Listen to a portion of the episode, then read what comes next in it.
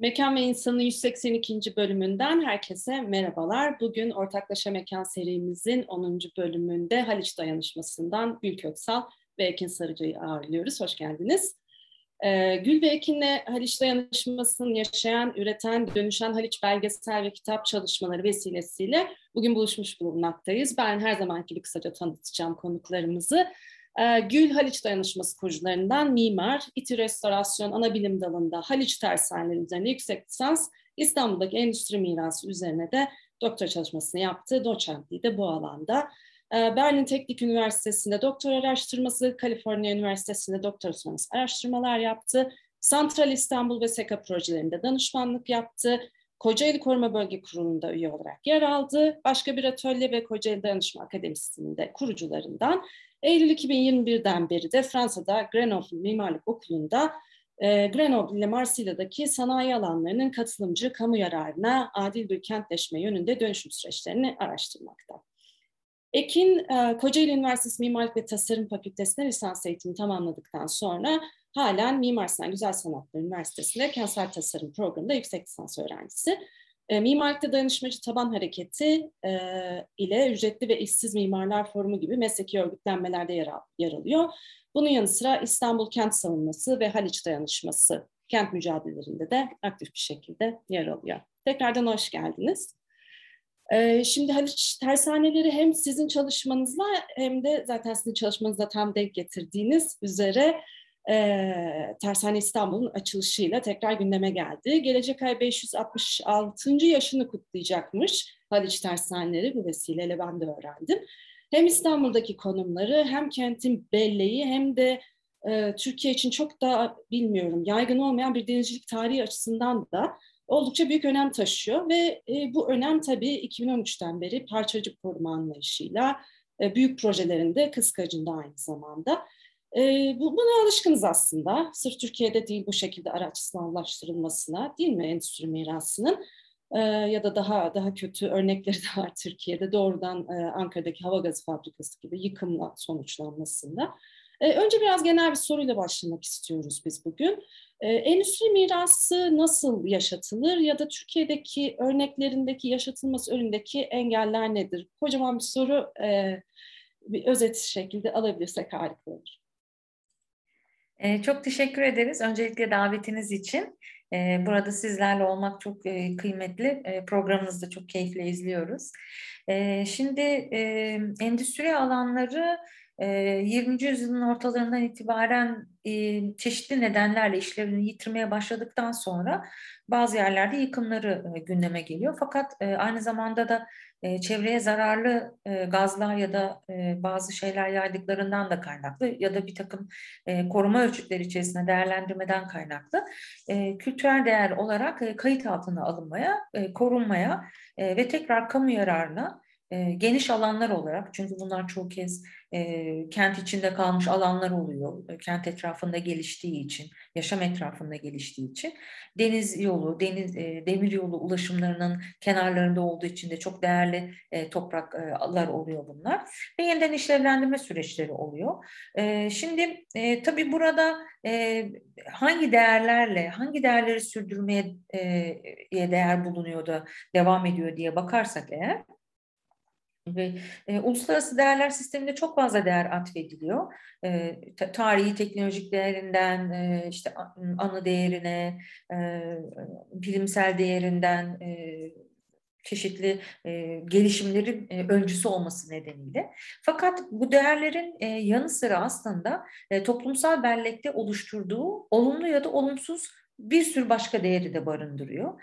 Yani sadece fiziksel varlıkları değil, bu fiziksel varlıklarını anlamlı kılan yaşanmışlıklar e, burada önem kazanıyor. Bunu özellikle belirtmek istiyorum. Çünkü birazdan açmaya çalışacağımız Haliç Tersenler bütünlüğü e, veya genel olarak kentleri dönüştüren endüstri devriminin, kapitalist üretim ilişkilerinin somut göstergesi bu alanlar aynı zamanda.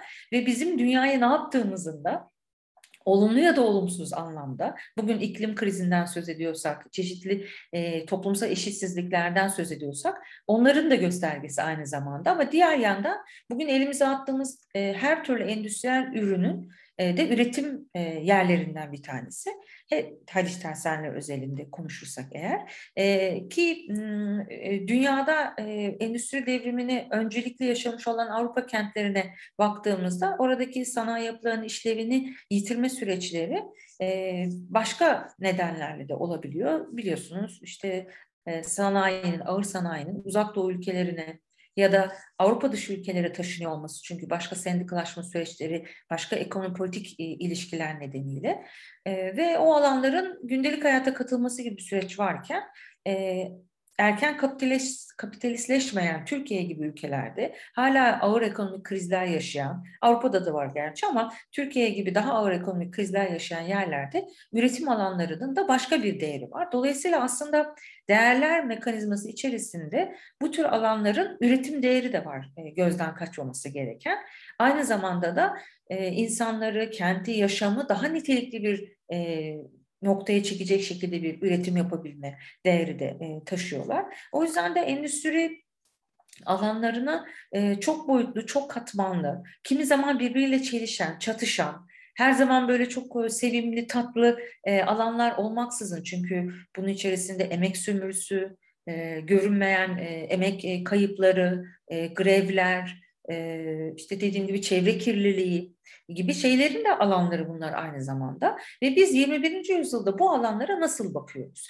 Bunları, bu alanları toplumsal bellekte biriktirmiş olduğu iyi veya kötü yönleriyle ne şekilde değerli buluyoruz, değer atfediyoruz ve bunları bugünkü hayata adapte ederek bundan sonra daha nitelikli bir yapılı çevre oluşması noktasında nasıl kullanıyoruz gibi bir sorunla karşı karşıya kalıyoruz.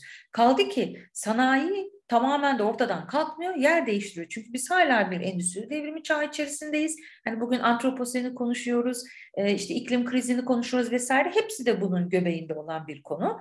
E, Haliç'ten konuşuyorsak vapurlar hala hayatımızda deniz ulaşımı, işte ulaşım kirliliğinden tutun da vesaireye kadar bir sürü konuyu da iç içe barındırıyor. Emek sömürüsünü, ya da kültür sanat mevzusunun kimin için sanat, kimin için kültür olduğu soruları da içinde barındıran bir konu. O yüzden de endüstri e, arkeolojisi, endüstri e, mirası olarak tarif ettiğimiz alanlarda neyi değer olarak kabul ediyoruz, neyin varlığını nasıl sürdürmek istiyoruz gibi sorunsallar bence 21. yüzyılda bizim içinde bulunduğumuz bütün krizlerin, türlü krizlerin e, krizlere yönelik e, bir takım adımlar atmamız için bir zemin. İlişki bunları açık, şeffaf, e, layıkıyla, zamanında, uzun uzun, yaya yaya, e, kapalı gizli olmadan tartışabileceğimiz ortamlar oluşturulsun diye ben böyle kısaca bir toparlamış olayım. Sonra zaten konuştukça e, yine ara ara bu üst başlığa da referans vermemiz gerekiyor olacak. Çünkü yani bir bütünün içinden konuşuyor olduğumuz için. Çok teşekkürler Gül. Bu çerçeveyi bizim için birazcık geniş bir çerçeve olan şeyi bu kadar kısa sürede bize özetlediğin için. E, tabii Haliç Dayanışması'nın esas e, odaklandığı konuya biraz gelmek isterim müsaadenizle. İzleyenlerimizin de merak ettiği kısmı bu olacaktır muhakkak. E, Haliç tersanesine baktığımız zaman sürdürülemeyen, senin de biraz önce aslında tarif ettiğin e, ve kapatılan bir okul, e, işlevsizleştirilen, özelleştirilen bir tersane görüyoruz ve adım adım zaten tarih e, boyunca son yani çağdaş tarihten bahsediyorum elbette ki bu alan, bu üretim sistemi yok edilmeye başlanmış. E, hem bir deniz kenti olarak İstanbul için tersane ve tersane üretiminin önemi hem de Haliç'le özdeşleşen bu tersanelerin anlamını e, Haliç Port projesiyle, yeni adıyla Tersane İstanbul projesiyle kaybedeceğiz diyorsunuz siz. E, bize nelerin tehdit altında olduğunu biraz anlatır mısınız? Yani Haliç Dayanışması'nın burada karşı durduğu e, ve savunduğu şeyin ne olduğunu bize anlatır mısınız?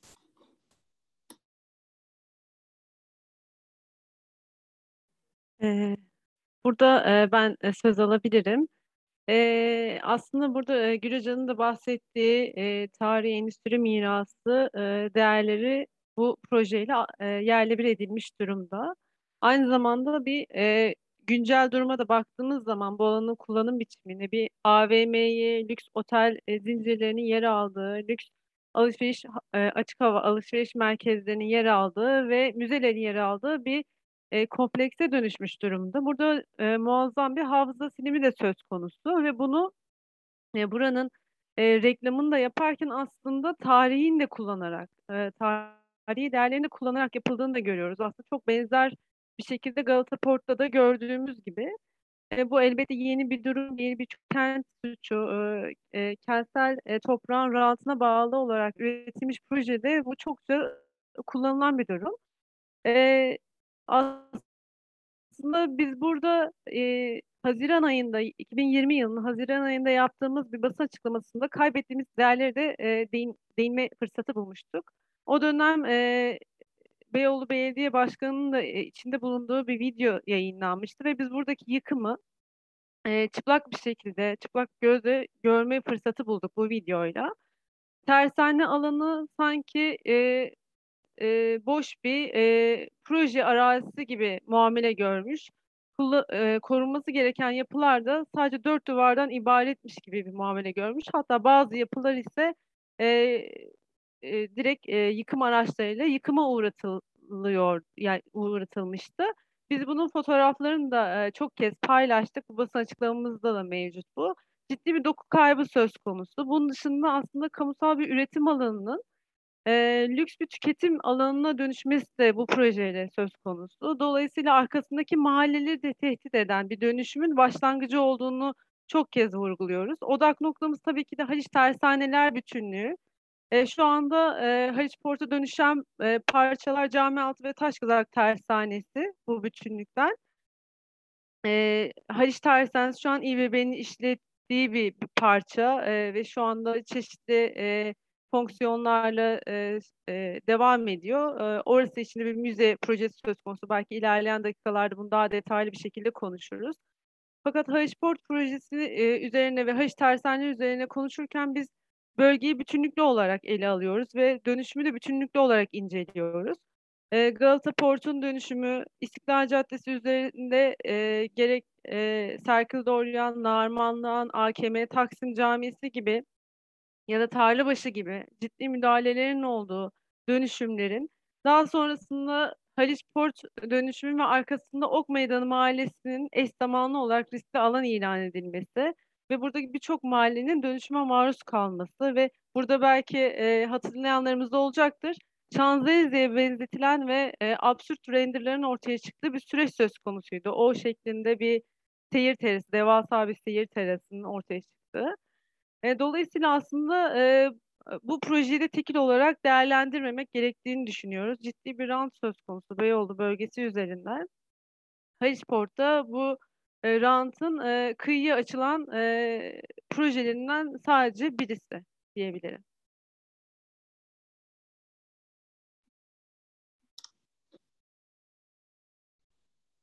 Şimdi dilerseniz Haliç Dayanışması'nın yaşayan, üreten, dönüşen Haliç belgesel ve kitap çalışmasını tanıtmak için hazırladığı alt spottan bir tanesine bir göz atalım. Haliç tersanelerinde yaşam.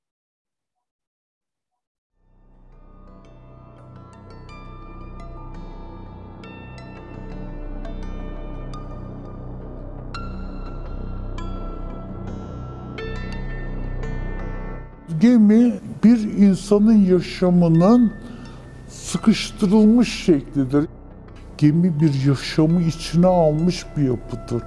Ya karada değil böyle denizde yüzüyordur ama neye ihtiyacımız varsa yaşarken hepsini orada yapmak zorundasınız. Her şeyi biliyorsun diye bir şey yok. Çalışırken öğreniyorsunuz bir takım şeyleri sevmeye başladım. Gemileri, oradaki sistemleri falan. Tersanelerde okul vardı Haliç'in içinde. O çok önemli bir konuydu. Oradan mezun olan çocuklar direkt olarak tersanelerde işe başlıyorlardı. Onlar çok becerikli ve konuyu bilerek mezun olup katkı sağlayan çocuklardı. Tek bir sınıfta değildi dersimiz. Mesela teknoloji dersinde başka sınıfa gidiyorduk. Bizim okuldaki dostluk başka yerde yok diyebilirim.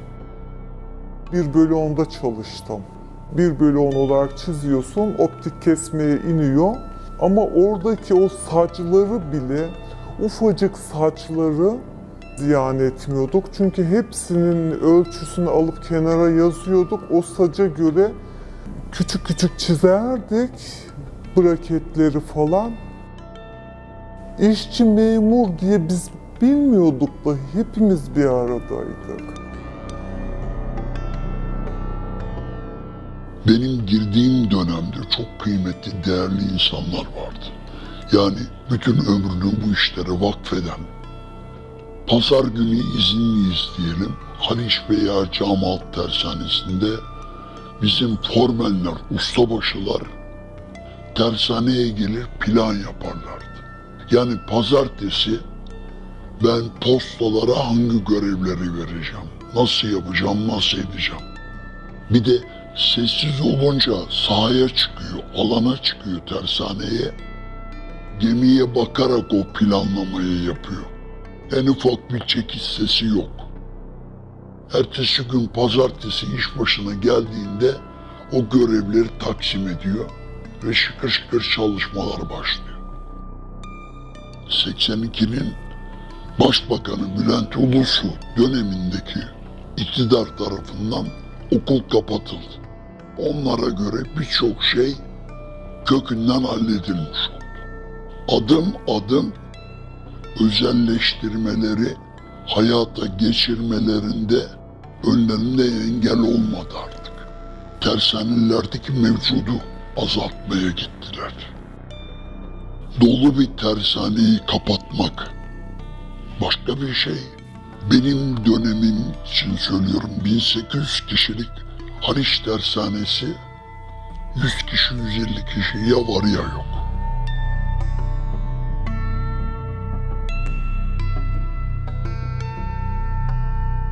Yani tersaneler adım adım köreltilerek, çalışmaları engellenerek 2013'teki sürece hazırlandı. Taş Kızak ve Cama tersaneleri Haliçport adıyla projelendirilmesiyle iki büyük önemli kamu tersanesini kaybetmiş olduk. Sade üretim değil, aynı zamanda üretim için gerekli olan eğitim fonksiyonu da ortadan kaldırılmış oldu.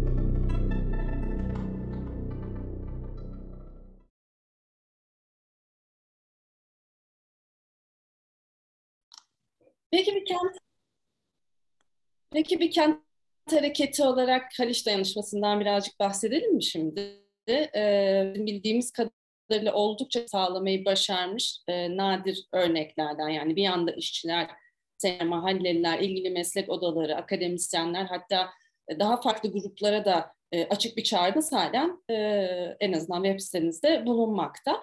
E, bu kadar geniş bir yelpazeyi bir araya getirmeyi e, nasıl başardı öncelikle dayanışma? E, ve tabii 8 yıllık tarihi özetlemek biraz zor olacak ama mihenk taşları nerede? Ee, öncelikle e, bahsettiğiniz husus bence çok önemli ve değerli olduğunu düşünüyorum. Çünkü Haliç Dayanışması birçok çeşitliliği her açıdan yani bu siyasi görüş olabilir, kimlik olabilir, e, inançlar olabilir, tersaneye bazen değerlendirmelerimiz bile farklı e, görüşler e, içerebiliyor diyebilirim. Tersan, tersaneyi korumak, aslında o endüstri mirasını korumak, buranın işlerliğini ve bütünlüğünü konum, korumak bizim e, ortaklaştığımız temel görüşümüz e, olarak düşünebiliriz.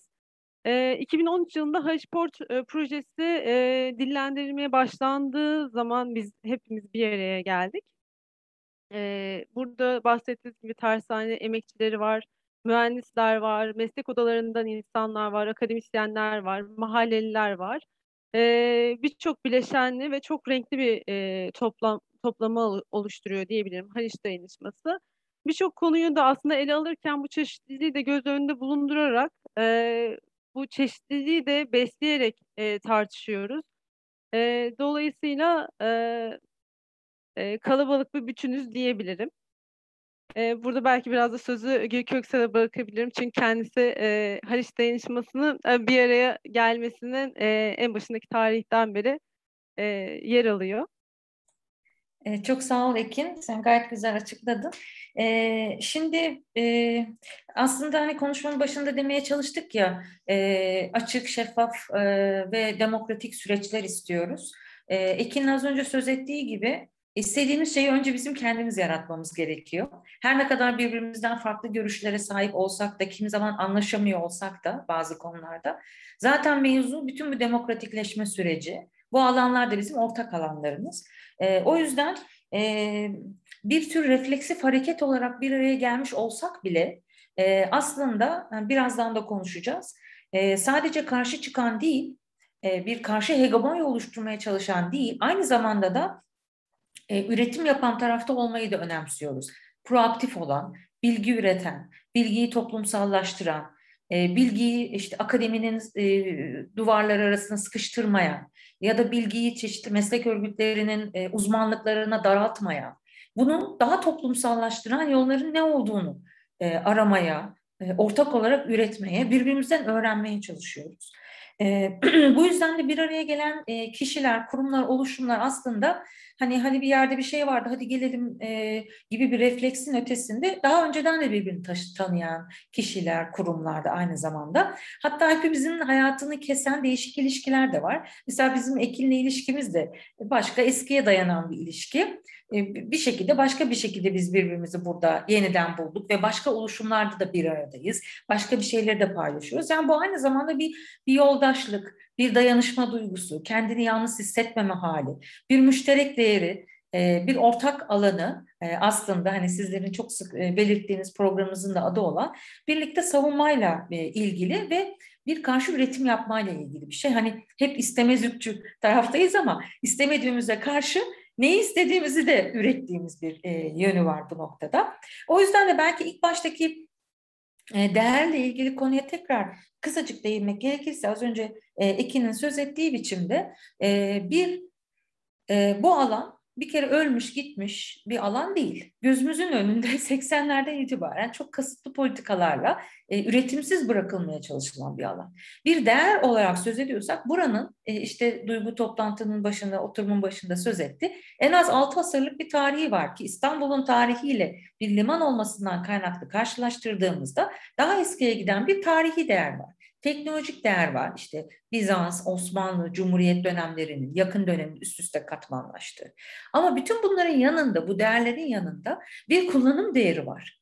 İstanbul gibi kaotik bir ulaşım sorunun olduğu bir yerde yüzde e, iki buçuğa hatta ikiye düşmüş e, bir gemi deniz ulaşımının e, her tarafı denizlerle çevrili, içinden e, Boğaz gibi bir incinin aktığı, Haliç'in olduğu bir eşsiz bir kentte, yani dünyada böyle güzel bir kenti bulmak çok zorken, e, bizi sürekli karayolu politikalarıyla dönüştüğü, bir deprem kenti aynı zamanda. Fakat burası çok güzel korunaklı bir alan, lojistik bir alan.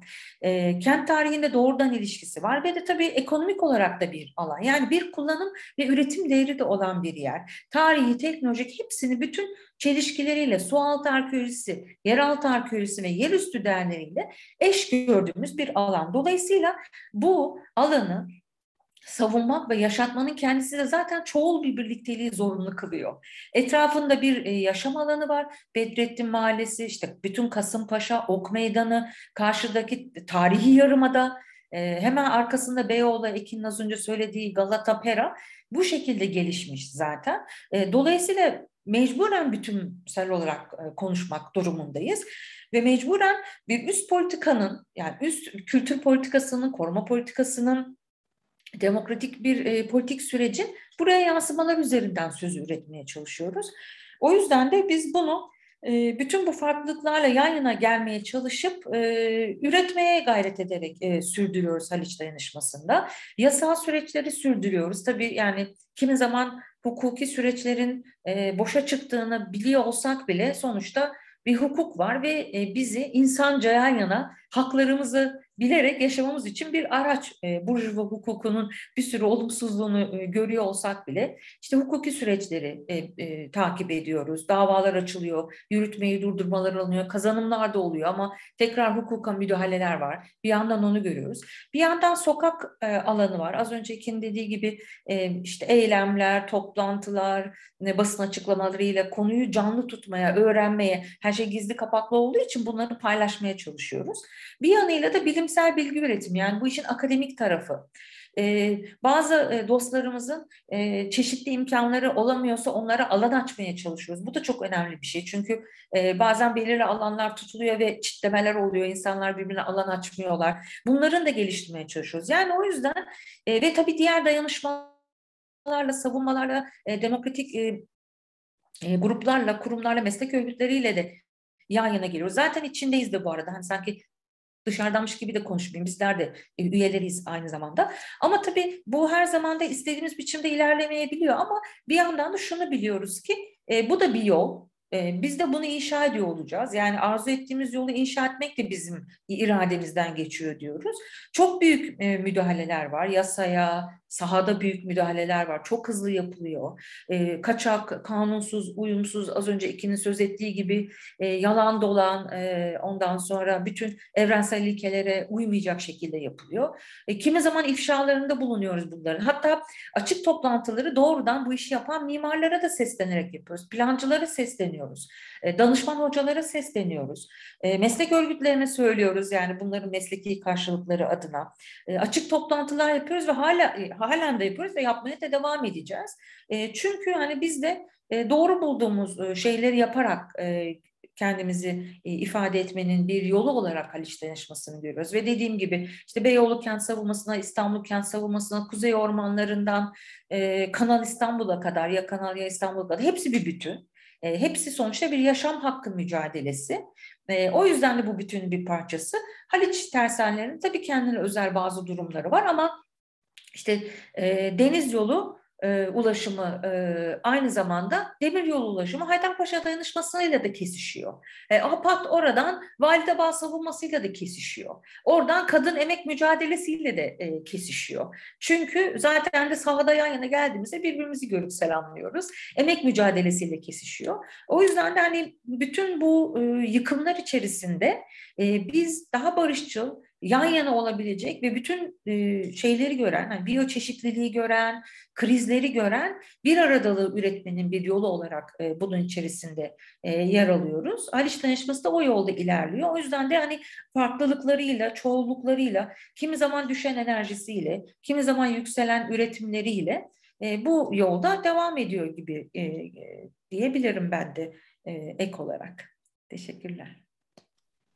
Her ikinize de çok teşekkür ederiz. 8 senelik bir deneyimi ve 8 senelik bir dayanışmayı yine bu kadar kısa sürede anlatmak eminim sizin için çok zor. Çünkü burada canla başla ve gönüllülükle yap, yapılan tüm bu işleri öyle çok kısacık birkaç cümleye özetlemenin ne kadar güç olduğunu, karşılaşılan e, olumsuzlukları ve yaşanan tüm olumlu şeyleri paylaşmak gerçekten keyifli oluyor. Ve sözünü ettiğiniz bazı e, ve dirsek teması kurduğunuz e, dayanışmaları da burada daha önce ağırlamış olmaktan da memnuniyet duyuyorum. Onlara da böylelikle selamımız olmuş olsun. E, ben tekrar birazcık daha üst ölçüye çıkmak istiyorum. Yani Haliç Tersanesi'nin de bulunduğu Haliç ve Haliç'in kıyılarındaki dönüşüme gelmek istiyorum. Ee, en ucunda Bilgi Üniversitesi'nin Santral İstanbul kampüsü, kıyılarında yeni kongre ve kültür aktivitelerine ev sahipliği yapan müzeler, kongre alanları e, vesairenin e, de olduğu bir bölgeden bahsediyoruz ve burası çehre değiştirmeye başladı uzun zamandır. E, dolayısıyla da buradaki barınma alanlarına e, çok ciddi bir tehdit oluşturuyor. Gayrimenkul değerlerinde çok hızlı bir yükseliş görüyoruz ve parsel bazlı kentsel dönüşümü de tetikliyor tabii bu. Çünkü burada artık öğrenciler ve işte bu kongre alanlarına gelen kişiler, ulus hem yerli hem hem yabancı turistler ya da çalışanlar buranın tüm çehresini farklı bir şekilde değiştiriyor ve etkiliyor. E, tabii bu kent işçi sınıfı ve üretim ile ilgili ekosistem bağlantılarının da kopmasına sebep oluyor. E, Haliç dayanışmasının bu sürece dair gözlemlerini merak ederiz ve bu ekosistemin daha da bozulmaması, daha da bozuma uğramaması ve devam etmesini sağlamaya yönelik bir çağrısı ya da önerileri var mıdır diye merak ederiz.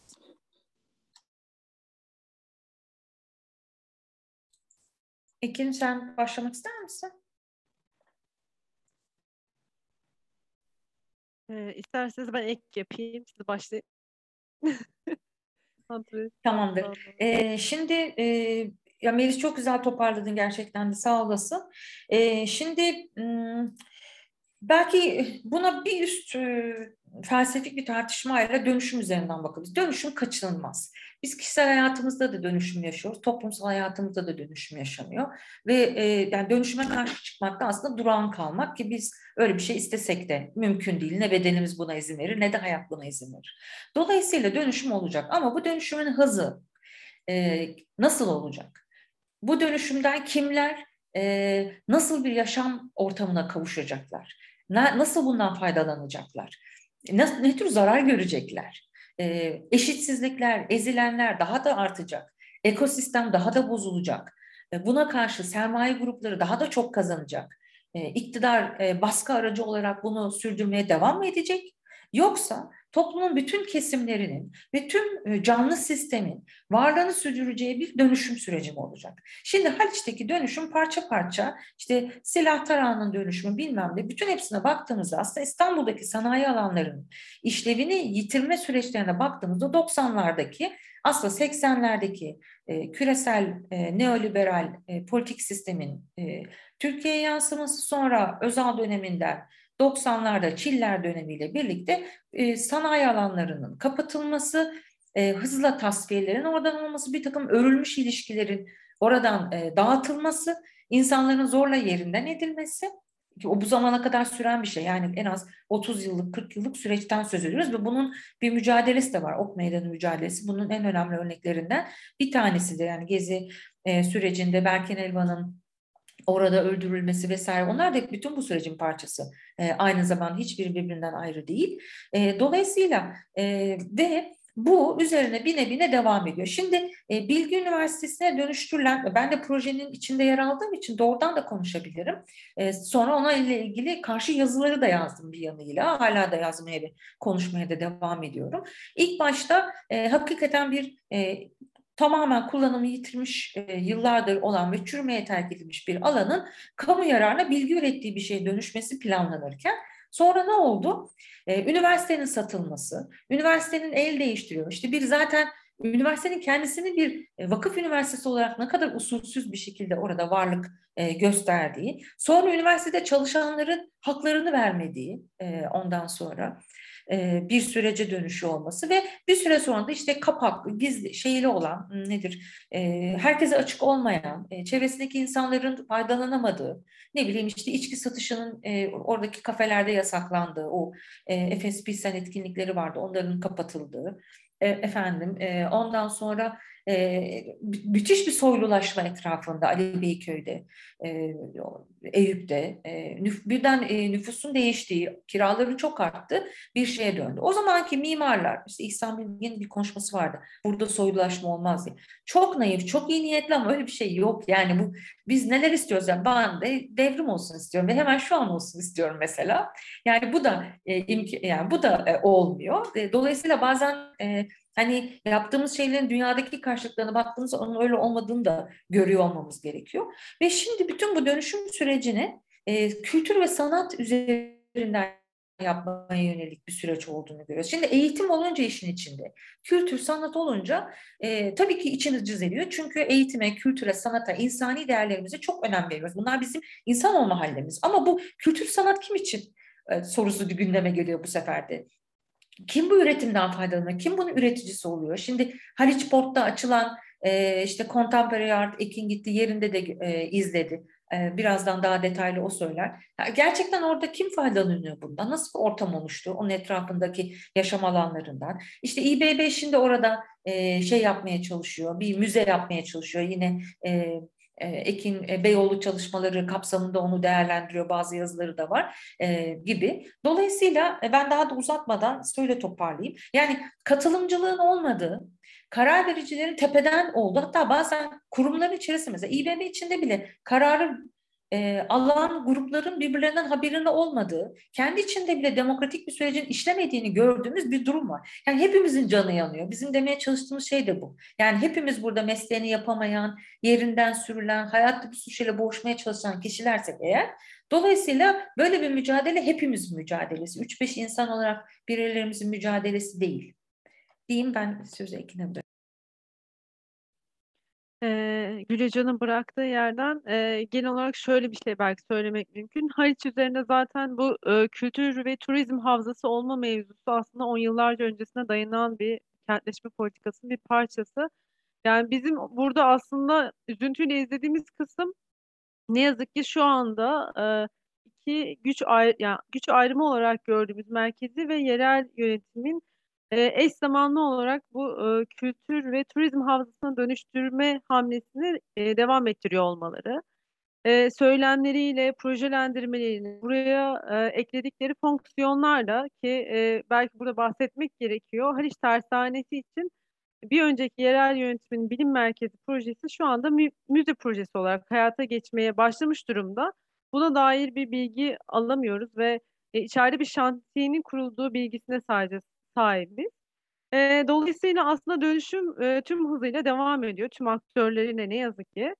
E, ve e, bahsettiğiniz bu çevresindeki mahallelerin geleceğiyle ilgili kaygımız da aynı şekilde devam ediyor olacak. E, ben de e, Haliç Tersanesi'nin e, hemen bittiği noktada Aynalı Kavak'ta ikamet eden birisiyim. Şu anda da Kazancı Yokuşu'nda ikamet ediyorum ve e, şunu söylemek gerekiyor sanırım. Galata Port'un tamamlanmasıyla zaten aslında yük, yükselmeye başlayan kiraların ve burada mekansal dönüşümün ne kadar hızlandığını gözlemleme fırsatı buluyorum. Şu anda bizim yaşadığımız sokağa bile üçüncü e, sanat, e, kültür e, fonksiyonlu bir e, mekan açıldı ki burası bir mahalle aslında bakkalıyla, manavıyla. E, aslında Tophane'nin yaşadığı e, dönüşümün bir farklı versiyonunu yaşıyoruz diyebilirim. Dolayısıyla aslında çok hızlı e, başlayan ve projelerin bitmesiyle de e, ivmesi artan bir dönüşümün tam olarak eşiğindeyiz diye düşünüyorum. E, bu noktada e, tabii ki de e, yani bunu dillendirmek gerektiğini düşünüyorum. Yerel yönetimden beklentimiz aslında burada yaşayanları ve e, kullanıcılarını gözeten yaşayan mekanlar üretmesi, yaşayan mekan fonksiyonları yaratması, e, müzeden, kültür sanat merkezlerinden ve sergi alanlarının dışında. E, dolayısıyla belki e, buradan e, kitaba da biraz geçebilirim. Ee, yaşayan, üreten, dönüşen Haliç e, bizim kitap ve belgesel, belgeselimizin ismi. Burada çok fazla e, kişinin anısı olan, burada çalışan, e, bütün e, ömrünü burada tersanede geçirmiş ya da mahallesinde oturan ya da buradaki dönüşümden etkilenip şu an bir mücadele veren Ok Meydanı Mahallesi'nde ki derneklerden insanların e, konuştuğu, e, aktarımlarda bulunduğu e, 8 aylık bir süreç geçirdik. Burada e, buradaki üretimi iki e, şekilde aktaracağız, aktaracağız yakın zamanda diyebilirim. Belgesel ve kitap şeklinde. E, belgeselin e, aslında e, nüvelerini yani ipuçlarını spotlarda alabiliyoruz. Birçok bir isim buradaki konuşmalarıyla spotlarda yer alıyor. Kitapta benzer bir şekilde e, yine gö görsellerle desteklenmiş ve e, görsellerin de e, ifadeleriyle e, yine bu anlatımların yer aldığı bir e, PDF olarak e, yakın zamanda tamamlanacak diyebilirim. Burada belki eklemek istersiniz Gül Hocam siz de. Vaktimiz herhalde azaldığı için ben de bu arada ışığı açmayı unuttuğum için e, aradaki iki saat farkından dolayı da şimdi karardı. Cep telefonun ışığından faydalanıp tuhaf bir ışık veriyorum kusura bakmayın. Çalışmamızın ışığı diyelim buna da olumlu tarafıyla. E, şimdi e, yaşayan, üreten, dönüşen başlığını biz o yüzden söyledik. Yani dönüşüm de var hayatın içerisinde, üretim de var ve hepsi bir yaşam ve bunlar birbirinden ayrı değil. Ekin'in dediği gibi çok fazla kişinin konuştuğu bir kitap bu aslında. Yani bizim e, buna bir aracık olduğumuz bir e, şey. Forum gibi aslında tam gezi forumlarının sürekliliği gibi bir şey yaptık. Hep kişiler konuşuyorlar ve kişiler farklı görüşlerden kişiler de aynı zamanda ve çok yönlü yönüyle olaya bakıyorlar. Hatta biz karşı görüşten kişileri de davet etmeye çalıştık. Diyelim işte sendika öbür sendika ile ilgili eleştiri getiriyorsa sarı sendika diye sarı sendikaya da davette bulunduk. Cevap vermediler ama belki yayınlandıktan sonra cevap verme ihtiyacı göreceklerdir. Ya da işte Büyükşehir Belediyesi'ne de dedik yani o müze ile ilgili. Mimarlarında da laf söylüyoruz. E, dolayısıyla aslında bunu çoğallaştırmaya çalışıyoruz. En önemli özelliklerinden biri dediğim gibi forum biçiminde oluyor olması ve çoğul oluyor olması. İkincisi açık kaynak oluyor olması. Çünkü biz çok geniş bir kaynakça da oluşturduk. Tezlerden makalelere, e, arşiv çalışmalarına. Bunları da açık olarak paylaşacağız e, sosyal medya hesaplarımızda. Hmm, aynı zamanda da bütün e, görüşmelerin e, e, ham kayıtları da erişilebilir olacak web sayfamızda, şey YouTube hesabımızda. Böylece bizden başka araştırmacılar da bu görüşmelerden faydalanabiliyor olacaklar. Çünkü biz seçerken tabii her halükarda yine de daha hoşumuza gidenleri alıyor olabiliriz ama herkes başka gözüyle bakmak isteyebilir. E, kişilerle bir, bir buçuk, iki saate yakın görüşmeler yaptık çünkü. Bunlar aynı zamanda da yaşayan bellek oluyor. Dolayısıyla biz biraz da yöntemsel olarak, proaktif olarak karşı çıktığımız şeyi daha toplumsallaştıran aracı olarak belgesel ve kitabı nasıl yapabileceğimizi denemeye çalıştık. O yüzden de yani yakında toparlayacağız e, umuyorum. Kasım'da, Aralık'ta en geç çıkarmış oluruz diye harıl harıl çalışıyoruz. E, ilgili herkesin katıldığı, sözünü söylediği bir çalışma olmasını da arzu ediyoruz. Bu bitmiş bir şey de değil. Başka görüşmeler de yapmaya devam edeceğiz. O yüzden bizim katamadığımız kişiler ya da sözü olan kim varsa biz e, büyük bir keyifle, memnuniyetle e, birlikte olmakta isteriz diyeyim.